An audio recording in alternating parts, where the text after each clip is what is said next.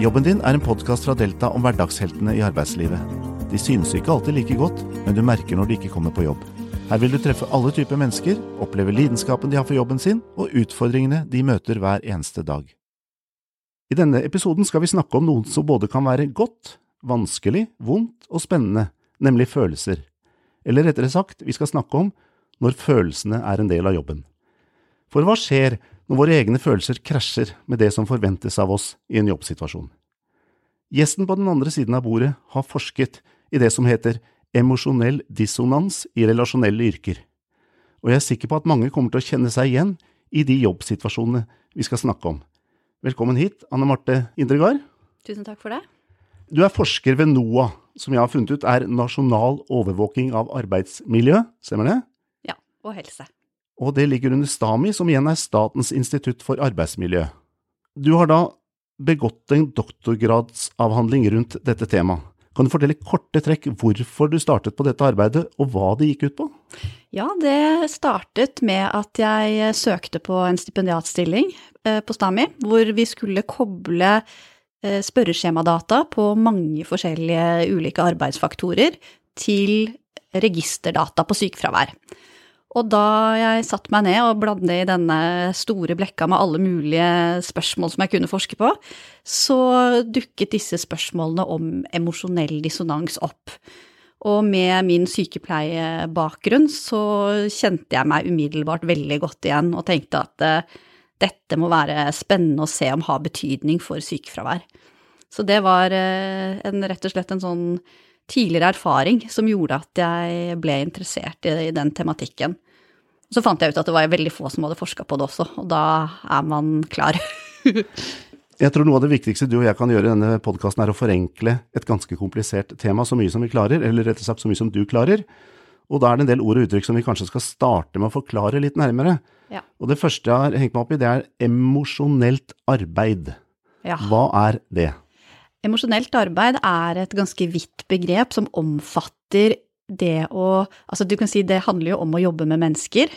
Og i jobber med mennesker så må man regulere følelsene sine, man må kontrollere de, og det er også forventa at man uttrykker bestemte følelser i ulike situasjoner.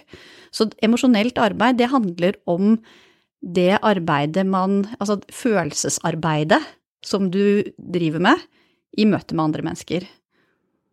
Og når denne emosjonelle situasjonen, hvis det da oppstår en dissonans, hva er det som har skjedd da?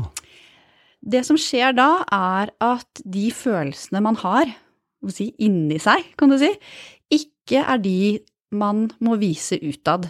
Så da er det en, en ubalanse mellom følelsene i, du viser utad, og de du egentlig kjenner. Sånn hvis du kjenner på mye frustrasjon, kanskje du er sint eller irritert, men allikevel må opptre rolig, profesjonelt og omsorgsfullt. Og da det siste foreløpig, relasjonelle yrker. Relasjonelle yrker, det er da yrker hvor man jobber med mennesker, og det er jo da særlig innenfor alle de som jobber i, i med altså innenfor servicesektoren, da, tjenesteytende næringer, hvor, eh, hvor, arbeidet i stor grad handler om å levere en, en, tjeneste, en service, hvor du da er i kontakt med mennesker. Fint, fint. Vi skal komme mye tilbake til dette her. Men først må vi få vite litt mer om hvem du egentlig er, og hva du gjorde før du ble forsker. For du har, du har jo så vidt nevnt at du har en sykepleierbakgrunn, men det regner med at du har enda mer bakgrunn? Ja, ja. ja nei, jeg i, som man sier, jeg er sykepleier i bunn, og, og jobba flere år eh, innenfor barnemedisin på Ullevål. Eh, og så ønsket jeg å ta noe mer utdanning, og har da en master i folkehelse. Og etter det så har jeg da jobba med vaksiner, vært informasjonsansvarlig for barnevaksinasjonsprogrammet på Folkehelseinstituttet. Og så har jeg vært lærer for sykepleiestudenter på Oslo OsloMet. Og så gikk veien videre da til, til STAMI hvor jeg begynte å forske. Litt tilbake til eh, det du har forska på, og, og, dette med følelser og Jeg må prøve å eksemplisere dette her. Du jobber f.eks. som helsefagarbeider på et sykehjem. Det er tidlig morgen, og avdelingens 15 beboere er i ferd med å våkne. Du som er på vakt skal inn og si god morgen, og kanskje hjelpe beboerne med morgenstellet. Noen har hatt en fin natt og er blide. Noen har smerter, noen er forvirret, noen er kanskje sinte, og du må takle alt dette og i tillegg legge dine egne følelser til side. Er dette en typisk situasjon for en som er i det du omtaler som et relasjonelt yrke? Ja, det er i hvert fall en veldig god beskrivelse av eh, hverdagen på et sykehjem. Og dette å, å, gå ut og inn av en rekke ulike situasjoner, det kjennetegner jo de relasjonelle yrkene. Og du, du møter mennesker i mange ulike situasjoner. Så at eh, eksempelet på sykehjem tegner, eller viser jo hvordan den relasjonelle biten er der, men også i en butikk, da, så møter du jo eh, mange ulike kunder som spør etter ting, og du sitter i Altså når du sitter i en kasse, du skal være ansiktet utad, da. Så dette med å regulere følelser, det skjer jo på en måte i mange forskjellige typer situasjoner, i mange forskjellige yrker, men det de har til felles, er jo at de møter mennesker. Du har vært innom serviceyrket, men det er vel det er jo veldig mange som jobber i denne type yrker etter hvert, som har en eller annen form for emosjonelle krav på seg. Mm. Kan du nevne noen grupper som kanskje har det som vi ikke tenker på i det daglige? Eh, vi har jo gjennom levekårsundersøkelsen så kan vi på en måte se hvilke yrker som oppgir at de er utsatt for høye emosjonelle krav i jobbsammenheng. Og da ser vi jo at de som eh, scorer øverst er jo de vi først og fremst tenker på med helse- og omsorgssektoren, og innenfor undervisning og servicearbeid, hotell- og restaurantbransjen. Og så neder så finner du jo industri, bygg og anlegg, hvor de er i mye mindre kontakt med mennesker. Men eh, Så vi snakker jo veldig ofte om helse- og sosialsektoren, fordi der er det kanskje veldig åpenbart. Nei, jeg er litt usikker egentlig, for å være helt ærlig. For jeg tror egentlig når jeg snakker om det, så kjenner alle seg veldig raskt igjen. Og også sånn i yrker hvor man ikke jobber direkte med mennesker, så eh, tar man det, det begrepet, og så kjenner man seg igjen når det gjelder kontakt med kollegaer. Man gjør det jo egentlig overalt, da. Jeg var på et frokostmøte hvor du var innleder eh, for en stund siden, og der sa du blant annet at mange arbeidstakere opplever at de emosjonelle kravene som stilles, ikke er forenlig med den måten man ønsker å utføre jobben sin på. Kan du utdype dette? Ja, altså det, det som jeg mener med det, er at man tar en utdanning, f.eks., for eksempel, eller at man har eh, en veldig sånn klar idé om hvordan man mener at god pleie eller god utøvelse av yrket skal være, men det kan være det at eh, andre forhold på jobben, da, eller tidspress, eller manglende tilgang på ressurser, eller noen sånne eksempler, så, så kan det være vanskelig å, å, få gitt den servicen eller den omsorgen som man ønsker å gjøre, og det strider kanskje mot det du selv ønsker å utføre. Altså, det vi snakker ofte om da, er jo en slags rollekonflikt. At det du ønsker å utøve, ikke er det du faktisk har mulighet til å få gjort, da.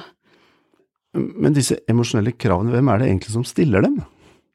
De emosjonelle kravene oppstår jo i de situasjonene hvor du er i kontakt med mennesker. Så, så det, er både, det, er jo både, den kunden, klienten, pasienten du står overfor som på en måte stiller det emosjonelle kravet, og det kan også være den situasjonen i seg selv da, som er det emosjonelle kravet. det blir fort litt sånn abstrakt. Jeg tror de fleste henger med på det. Ja. Eh, du har jo bakgrunn som sykepleier, og du har, eh, jeg har lest eh, noen intervjuer med deg hvor du forteller at én av fem sykepleiere ikke jobber i helsetjenesten ti år etter fullført eh, utdanning. Er disse emosjonelle kravene og den emosjonelle dissonansen som oppstår, en av årsakene til at det ikke er det? Uh, ja, det kan det. Det kan være en del av forklaringen. Det er forsket på sammenhengen mellom emosjonelt arbeid og frafall fra yrker. Og, og, det viser seg at det er en, en faktor som, som, har betydning for at folk ikke ønsker å, å, å være i yrket lenger. Det kan jo være det at, at det etter hvert fører til en utmattelse, eh, og at man kjenner at man ikke lenger klarer å stå i de kravene som, som det yrket krever, da. Eksemplene vi hittil har snakket om, har vært stort sett knytta til helse- og omsorgssektoren. Mm. Og du har vært litt inne på det før, men jeg har lyst til å grave litt mer. Er det, det er vel også arbeidstakere i mer administrative stillinger som kan havne i situasjoner som, hvor følelsene blir en del av jobben. Du sitter i et, for eksempel i et uh, torg i en kommuneadministrasjon hvor du skal ta imot beboerne som bor i kommunen som har et eller annet spørsmål. Det kan jo mm. være alt fra mellom himmel og jord. Det er jo umulig å forberede seg på hva spørsmålet vil være. Der kommer vel også en sånn situasjon Helt dukke opp. klart. Ja, ja. Jeg har hatt en eh, I den eh, nye stillingen min nå, så driver jeg og ringer rundt til ulike kommuner. Og da møter jeg jo noen på sentralbordet. Og da stiller jeg liksom noen litt krevende spørsmål fordi jeg skal ha tak i noen bestemte personer. Og, og de er jo alltid veldig hyggelige og imøtekommende og serviceinnstilte, og det det er absolutt Altså, de er jo kommunens stemme utad, da.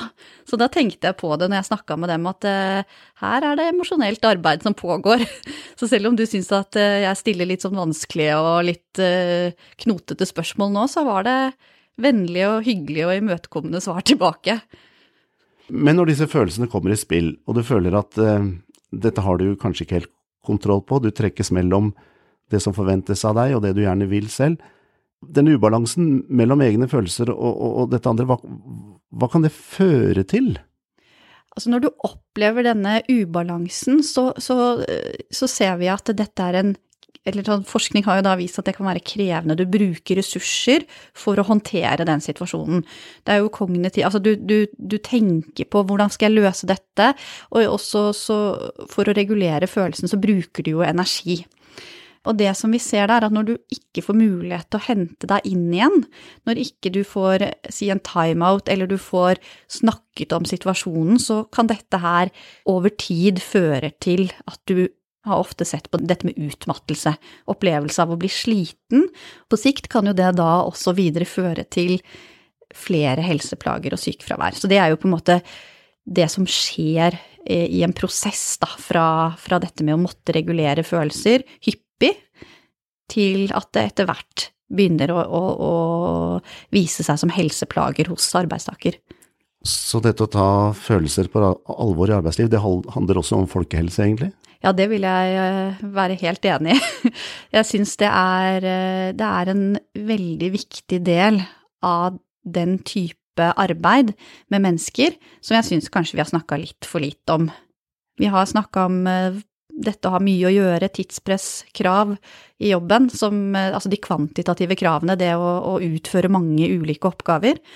Og så har vi på en måte glemt litt av at en stor del av jobben gjøres i kontakt med mennesker, og eh, at det er da emosjonelle krav som også er veldig viktig. Hvorfor er det blitt sånn? Er det, er det liksom, ligger det bare som en sånn forventning at dette skal du fikse? Ja, altså man tenker jo at det, det er en, en, del av jobben som Og man kan ikke fjerne de emosjonelle kravene. Det er rett og slett vil alltid forbli der, fordi Og det er jo ofte derfor man har kanskje søkt seg til disse jobbene også, at det er det man ønsker å jobbe med. og og, og, det er veldig mye positivt også med å, å jobbe med mennesker og, og stå overfor emosjonelle krav, og det er jo det som gir både motivasjon og jobbtrivsel. Men så kommer jeg da og forteller at det kan faktisk også være litt farlig. Det, men jeg tror det er viktig å være oppmerksom på det og vite at det er både positive og negative sider ved det, og forebygge de negative, da. Når du begynte på dette arbeidet ditt, så, så regner jeg med at du ikke liksom begynte med telefonen og så ringte du rundt til tilfeldige folk for å spørre hvordan de hadde det på jobben. Du gikk løs på en database her, ettersom jeg skjønner, så jeg vil gjerne vite litt mer om det. Og så hva de hovedresultatene du fant, hva det var? Eh, ja, ja nei, altså eh, da jeg kom til STAMI, Statens arbeidsmiljøinstitutt, så, så, hadde de allerede hatt et prosjekt gående i mange år, hvor de da hadde samla inn spørreskjemadata fra hele 96 ulike virksomheter i, i Norge. Det var et kjempedatamateriale som lå der, med, som jeg sa tidligere også, med mange ulike arbeidsfaktorer. Det som var nytt nå, var at vi da hadde eh, fått mulighet til å koble disse spørreskjemadataene til registerdata fra Nav. Så det jeg fikk mulighet til å gjøre da, var å se på eh, sykefraværet ett år i etterkant av at eh, man hadde svart på spørreundersøkelsen. Så da kunne jeg på en måte se om det man opplever på jobben, fører til sykefravær i etterkant, om dette her er forhold som kan på en måte øke sjansen for at du, du blir syk, da. Jeg valgte jo da ut å fokusere på dette med emosjonell dissonans, men jeg inkluderte også en del andre, andre arbeidsfaktorer for å se på hva som, eh, hva som var viktig innenfor kunde- og klientorienterte yrker, da. Så hovedfunnet mitt var jo at når jeg så på, eh, så på sykefravær som utfall, så fant jeg at emosjonell dissonans, de som rapporterte høy grad, eller ofte måtte regulere følelser på jobb, de som da ofte opplevde rollekonflikt, altså motstridende krav i jobbsammenheng, eh, de hadde en høyere risiko for å være sykemeldt i året etter at de hadde svart på undersøkelsen. Videre fant jeg også det at det å ha lav kontroll også økte risikoen for å, å være sykemeldt. Og da snakker du om lav kontroll over egen jobbsituasjon? Ja, over arbeidsoppgaver og, og, og tid. Og det er jo lav jobbkontroll, ser man jo at innenfor yrker, innenfor servicenæringer og, og kunde- og klientorienterte yrker, de oppgir ofte at de har lav kontroll over uh, arbeidsoppgaver og arbeidstid. Så medvirkning fra de ansattes side, jo som noe som vi i fagforeningsbransjen er litt opptatt av, det, mm. det mener du også er en viktig faktor? Ja, siden, uh, siden de emosjonelle kravene ikke kan fjernes. Altså nå må vi jo si at noen former for emosjonelt belastende situasjoner bør fjernes. Altså vi har jo snakket mye om uh, uønsket seksuell oppmerksomhet og, og, vold og trusler om vold. Det er jo da emosjonelt belastende og krevende situasjoner som man skal ha en null Eh, toleranse for. Men de andre emosjonelle kravene, det at det er utfordrende situasjoner, det, det, det, må man på en måte, det er en iboende del av yrket. Så da må man kanskje se på hvilke forhold kan man styrke da, for at man i større grad skal tåle disse eh, emosjonelle kravene. Og da vet man fra mye forskning at det å ha kontroll over arbeidsoppgaver, det å autonomi og medvirkning, det er en viktig faktor som forebygger sykefravær. Så, så, hvis man på en eller annen måte kan prøve å jobbe i den retningen, da, at, og, og, øke graden av kontroll, så, så, tror jeg det er en måte man kan eh, ja, jobbe med å, å, redusere den negative effekten av emosjonelle krav, da. Jeg må bare spørre litt mer om denne basen du gravde i. Mm. Du sa 96 ulike virksomheter, og, og det betyr da mennesker? Hvor mange personer var involvert i dette, og hvordan var demografien der? Ja, nettopp. Eh, ja, de kommer jo fra mange forskjellige typer yrker. Og i, i, de analysene som jeg har gjort, så har det vært over 7000 arbeidstakere som, eh, som da jobber i kunde- og klientorienterte yrker, eller i relasjonelle yrker. Og der var det vel eh, Gjennomsnittsalderen er 44 år, og det var ganske jevnt fordelt mellom kvinner og menn. Og så hadde jeg den siste studien, den gjorde jeg bare blant helse- og omsorgsarbeidere. Der var det både leger og sykepleiere og helsefagarbeidere. Eh, og der var det vel over 90% kvinner. Så der, eh, der var det et litt annet utvalg, da. Men gir resultatene noen kjønnsforskjell? Eh, jeg har, jo, jeg har jo, justert for kjønn, da, for også på en måte Men, men det, det, som var interessant, var jo å se at både kvinner og menn opplever dette med å regulere følelser ganske likt. Og har Så det er ikke sånn kjempestore kjønnsforskjeller der. Det er, er nok et, et, krav som oppleves eh, litt på samme måte. Men, eh, men, det er jo mange kvinner som jobber i helse og omsorg, da, så de er jo da mer utsatt for disse emosjonelle kravene. Eh, du har vært inne på det at dette kan i, ytterste konsekvens føre til økt sykefravær. Og årsakene der er sikkert mange. Mm. Bildet er ikke enkelt, men du har tidligere sagt og vært litt innom nå også at arbeidsmiljø kanskje er noe av det i gåseøynene enkleste å gjøre noe med. Først av alt, hvor stor del av sykefraværet er arbeidsmiljørelatert? Hvilke faktorer er det som først og fremst spiller inn? Ja, det er, er veldig sant det du sier der, at eh, arbeidsmiljø er faktisk det man kan gjøre noe med. Og når vi var så vidt inne på dette med kjønn, så er jo dette når man snakker om kjønnsforskjeller i sykefravær, ikke noe man kan Altså, det er eh, mye mer å hente, og forebyggingspotensialet er mye større eh, hvis man ser på arbeidsmiljø. Og det ligger jo også innenfor arbeidsgivers eh, handlingsrom og muligheter til å, å, å, ta tak i. Og studier har jo funnet ut at eh, hele 40-50 av, eh, av langtidsfraværet eh, skyldes arbeids, arbeidsmiljø. eller kan tilskrives arbeidsmiljø. Og, og da, da, må man jo se på det, altså, og tenke at her er det muligheter til å, å forebygge. Og det å hindre at folk kommer ut i langtidsfravær, det er utrolig viktig. Så når man eh, altså Ofte så har man jo redusert helse, og arbeidsevnen blir redusert. Og da er det jo mange ting man kan prøve å iverksette før folk faller ut av, av jobb, da.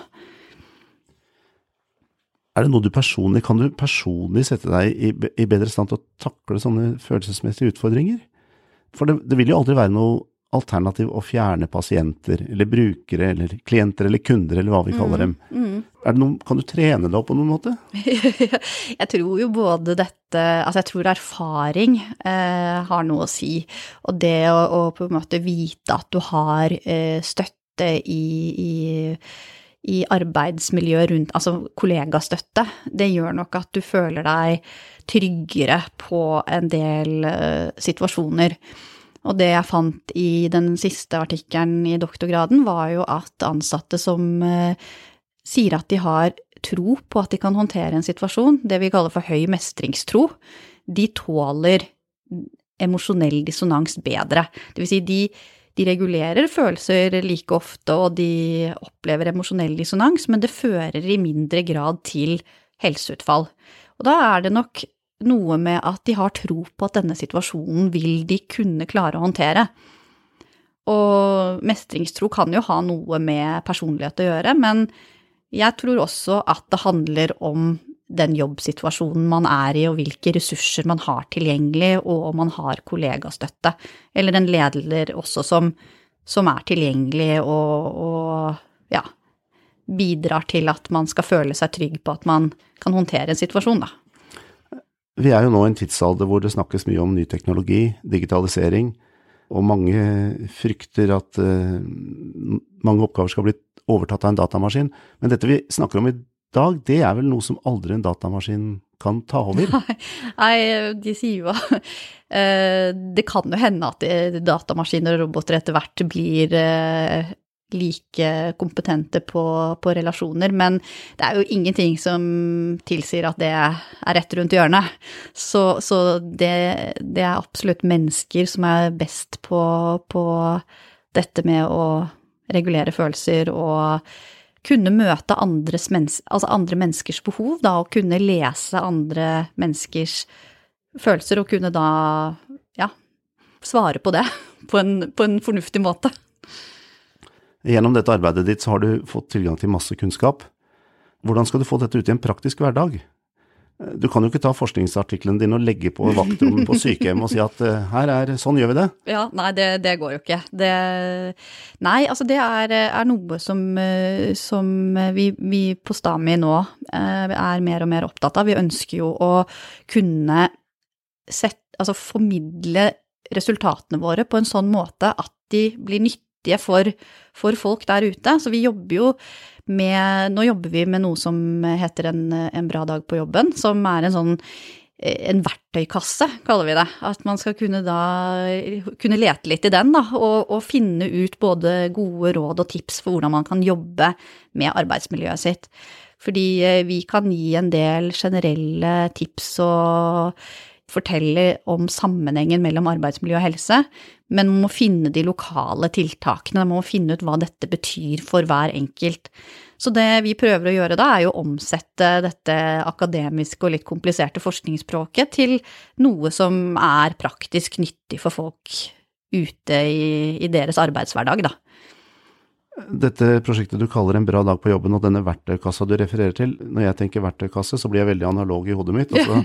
Så, da, da, står det en boks der, og så går jeg og tar ut en skiftenøkkel mm. for å få utført en oppgave. Mm. Eh, du, hvor langt har dere kommet? Kan du fortelle Er det noen konkrete verktøy du kan eh, gi ja. noen eksempler på? Altså Det vi har gjort, er at vi har først tatt for oss eh, sykehjemsbransjen. Og så har vi gjennom eh, overvåkningsdata som vi har på NOAH, kunnet se hvor, altså hvilke eksponeringer, altså hvilke arbeidsmiljøutfordringer er det som er typisk for sykehjem. Og så plukket vi ut da fem eh, arbeidsfaktorer som vi vi så at dette er noe som, eh, som er særlig viktig for sykehjem. Og så har vi lagd da fem ulike videoer, hvor vi har da i samarbeid med sykehjem funnet eksempler på både rollekonflikt, emosjonelle krav og, og, dette med vanskelige pasientsituasjoner og med, altså dette med eh, tunge løft. Så lagd filmer der som illustrerer dette med eksempler som de ansatte da kan se på, og så kan de starte en samtale der ute kjenner vi oss igjen i dette her, hvor er det de emosjonelle kravene og emosjonelt vanskelige situasjonene oppstår hos oss. Og så gir vi da i den videoen også noen tips til hvordan man kan jobbe med det. Men da er jo egentlig det vi gjør da, er jo bare å sette dem i gang og peke på forhold som vi, ut fra det vi vet, eh, tror kan være veldig viktig for dem. Og så må de da bli litt De blir kanskje litt oppmuntra til å jobbe med noe som, som, er viktig for dem, da. Gjennom dette arbeidet ditt, har du fått noe inntrykk av at er det et klima for å snakke om sånne ting som dette her sammen? Har man tid til det i en travel hverdag? Er det ja. akseptert, liksom, å, å, å, snakke om dette? For jeg regner med at veldig mye av det vi snakker om, er felles utfordringer som veldig mange har. Mm. Men så er man kanskje ikke like flink til å snakke om det, ikke det? Nei, altså jeg tror nok det første du sa med at man kanskje ikke har så mye tid til det. Man, eh, man uh, har jo mange oppgaver som skal utføres, og kanskje heller ikke så mange rom hvor det er eh, altså fysiske rom da, til hvordan man kan ha den type samtaler, fordi man er ofte i nærheten av pasienter eller kunder og klienter store deler av arbeidshverdagen, og da kan man ikke ta den praten. Men det å være bevisst på at dette her er en viktig del av jobben, og kanskje noe man bør prate litt mer om, så kanskje man finner noen rom for det, da. Og at, eh, at man Eh, kanskje man har jo ofte et møterom at man kan innimellom ta en prat, da. Og ikke minst at det er aksept for å ta opp vanskelige situasjoner. Hvis det er et miljø hvor, hvor man er litt flink til å støtte hverandre, og åpner opp for at det er greit å si at vet du hva, nå syns jeg det er en vanskelig situasjon som jeg har problemer med å, å, å utføre, så tror jeg nok at det er eh, mye lettere men det er jo forskjellig. Noen ønsker jo ikke å snakke om ting, og det må også være lov. Mange andre, særlig innen helsebransje, f.eks. det vi kaller blålysyrker, ambulanse, brann og, og, politi og sånne type ting, de, de har en form for debrifingsrutiner. Mm. Det har jeg inntrykk av at det er mindre av i helse- og omsorgsbransjen. Ja. Og jeg har en far som er på en, dement, en avdeling for demente, og veldig mye gamle mennesker. Og det hender jo at folk dør på sånne steder, det er jo ikke mm. uvanlig. Mm. Og det, det, er jo ofte beboere som du som ansatt kanskje har hatt et forhold til over mange år. Mm. Men jeg har inntrykk av at det er ikke bare det å snakke om sånne ting, er, er det fortsatt eh, Kunne vi nok blitt flinkere til. Ja, det, det, fikk vi bekreftet da vi var ute og snakket med, med ansatte på sykehjem. De nevnte dette veldig raskt, at de, de følte at det var for lite eh, rom Eller altså at det, de ønsker at man skal bli flinkere til å snakke om eh, hvordan man opplever at noen går bort, da. Det er mennesker man knytter seg til, og man blir jo glad i, i mennesker som man det er, jo, det er jo, Man er jo, å si, arbeidstaker i noen andres hjem. Og når noen da går bort, så, så, er det jo klart at det kan oppleves veldig trist og vanskelig. Og i tillegg så skal du jo da fortsette å, å utføre arbeidsoppgaver, og da var det noen som sa at de ønsket at det skulle være en mer markering eller mer rutiner for, for at de ansatte også skulle få eh, uttrykke sorg da, i en sånn situasjon. Hvis vi skal prøve å nærme oss en slags avrunding her nå, hva, har du noe sånn inderlig ønske om hva arbeidet ditt skal føre til? ja, altså det, det, jeg først nå tenker at jeg syns er, er, stas, da, det er jo at vi snakker om det. At vi, at vi nå At jeg får, får mulighet til å, å, sette ord på noe som er så viktig i mange yrker. Og jeg håper jo at det håper jo på en måte at ved å sette fokus på dette med emosjonelt arbeid og at, at, flere skal være oppmerksom på det, da. At ledere og arbeidstakere skal snakke om en så viktig og iboende del av yrket sitt, da. Og så blir jo veien videre, da, at man kanskje kan bli litt inspirert til å jobbe med de forebyggende tiltakene. Hvordan kan vi passe på at vi eh, håndterer de emosjonelle kravene uten å bli eh, utslitt, og at det skal føre til sykefravær. Og helt avslutningsvis, du var litt innom det, men det er jo en del positivt ved å jobbe med Ja. dette òg. Helt klart, og det er viktig, viktig, viktig å få frem. Emosjonelt arbeid har masse positive sider. Det, det er virkelig, eh, virkelig det som gjør at mange trives i jobben. Og ja, det er det jeg savner med å være sykepleier. Anne Marte Indregard, tusen takk for at du ville komme. Tusen takk. Du har nå hørt på Jobben din, en podkast fra Delta. Delta er en partipolitisk uavhengig arbeidstakerorganisasjon i YS. Husk at det er viktig å være organisert. Du finner oss på delta.no.